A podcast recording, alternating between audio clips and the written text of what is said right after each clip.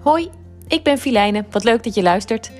Ik schrijf brieven aan bekende en onbekende mensen, maar ook aan dingen, dieren of gebeurtenissen. Meestal vrolijk en fruitig. Soms wat zwaarder, maar ik schrijf altijd vanuit mijn hart. Over en aan de dingen die mij en misschien ook jou bezighouden. Wil jij een keer een speciale brief aan iemand horen? Laat het me weten. En als je vaker luistert of graag brieven wilt horen die net iets heftiger, pittiger of juist heel irritant zijn, abonneer je dan vooral op deze podcast. Voor de prijs van een halve Starbucks zit je front row en hoor je alles wat de rest moet missen. Veel plezier met deze brief.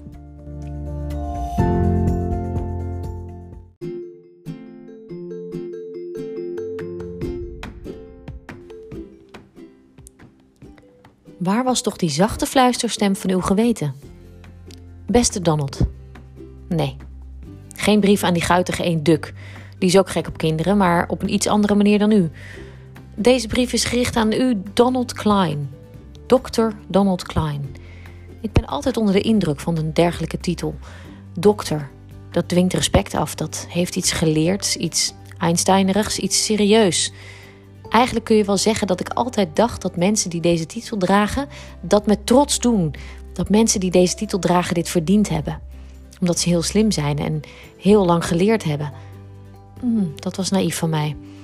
Veel van de mensen die deze titel dragen verdienen inderdaad het respect dat daarbij hoort. Bijna alle mensen die deze titel dragen. Maar u heeft dit grafiekje wel een beetje onder druk gezet.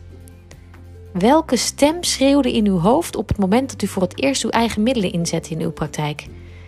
Was het uw verstand dat zei dat het gezien de evolutie een prachtgebaar was om uw eigen sporen uit te zetten?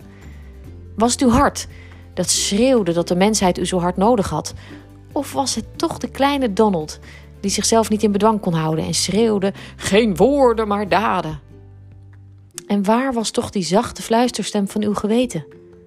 Waar waren de woorden die u hadden kunnen weerhouden van de ongewenste daden? Want de zwangerschappen waren dan uiteraard heel gewenst.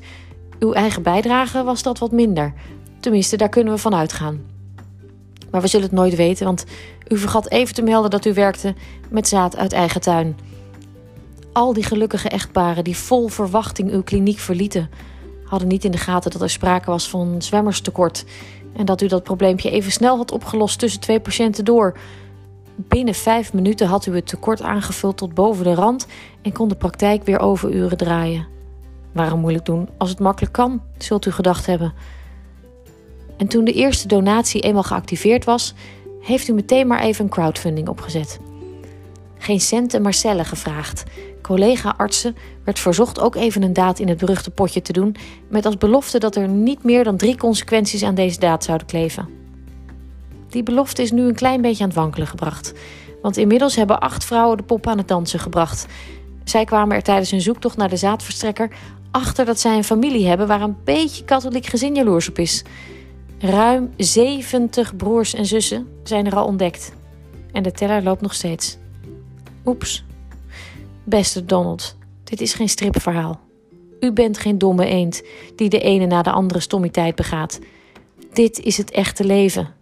En over tien plaatjes komt er geen gelukkig einde. Over tien plaatjes zijn er misschien nog wel veel meer mensen opgestaan die u de titel vader mogen geven. Ik zou maar vast een setje handschoenen aanschaffen. Tuinhandschoenen.